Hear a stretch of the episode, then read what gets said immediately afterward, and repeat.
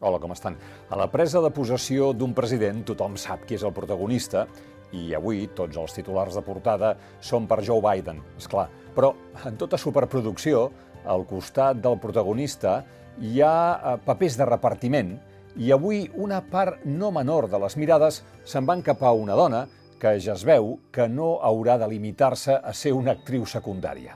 Em refereixo naturalment a Kamala Harris, la nova vicepresidenta dels Estats Units la primera dona que ocupa la vicepresidència del país, la primera afroamericana i la primera amb orígens asiàtics, al ser filla de mare índia i pare jamaicà.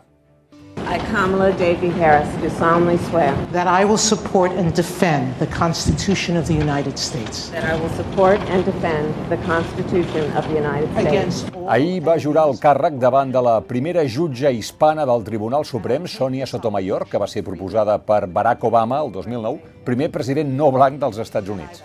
Hi ha molts primers en aquesta frase.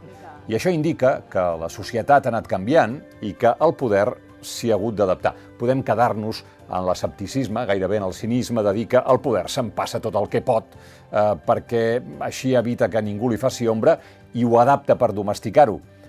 Però també podem anar una mica més lluny i admetre que una vicepresidenta com Harris, una jutgessa com Sotomayor, un president com Obama, eixamplen el camp d'allò que és històricament i socialment possible. Ho explicaré amb unes altres paraules. Al seu eh, recent llibre de memòries, Barack Obama explica el moment crucial de la conversa que va haver de tenir amb la seva dona Michelle el dia en què ell ja no podia prorrogar més la decisió, la gran decisió, de si eh, es volia o no eh, presentar de president dels Estats Units. Ella, Michelle Obama, estava espantada pel mal que la carrera política del seu marit podia fer a la seva relació conjugal i a la família, que ja tenia eh, dues nenes, dues filles petites. Michelle Obama li va preguntar, però per què has de ser tu? I Obama li va contestar, perquè el dia que aixequi la mà dreta per jurar el meu càrrec, nens i nenes de tot el món com jo, de colors de pell com el meu, de procedències familiars com la meva, abandonat pel meu pare, que m'estaran veient per televisió, veuran que ells també tenen possibilitats de fer coses a la vida. Diu Obama que la seva dona li va contestar no ha estat una mala resposta.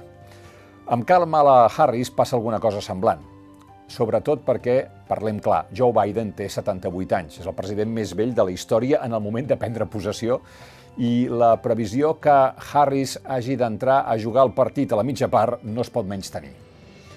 Ahir, la nova vicepresidenta va penjar aquest tuit. Avui sóc aquí gràcies a les dones que m'han precedit, amb tot d'imatges de dones que van tenir el doble coratge d'aixecar-se, primer davant el poder i després d'un poder eternament representat per homes. L'agraïment de Harris a totes les dones que l'han precedit és un senyal que sap d'on ve. Bueno, és un senyal que sap d'on venim tots plegats i d'on podem arribar. Sobretot els més joves, les més joves, després de veure-la aixecar ahir la mà dreta i jurar el càrrec de vicepresidenta dels Estats Units. El nostre reconeixement pels que treballen a primera línia, un record pels que pateixen, pels presos polítics, pels exiliats i que tinguem un bon dia.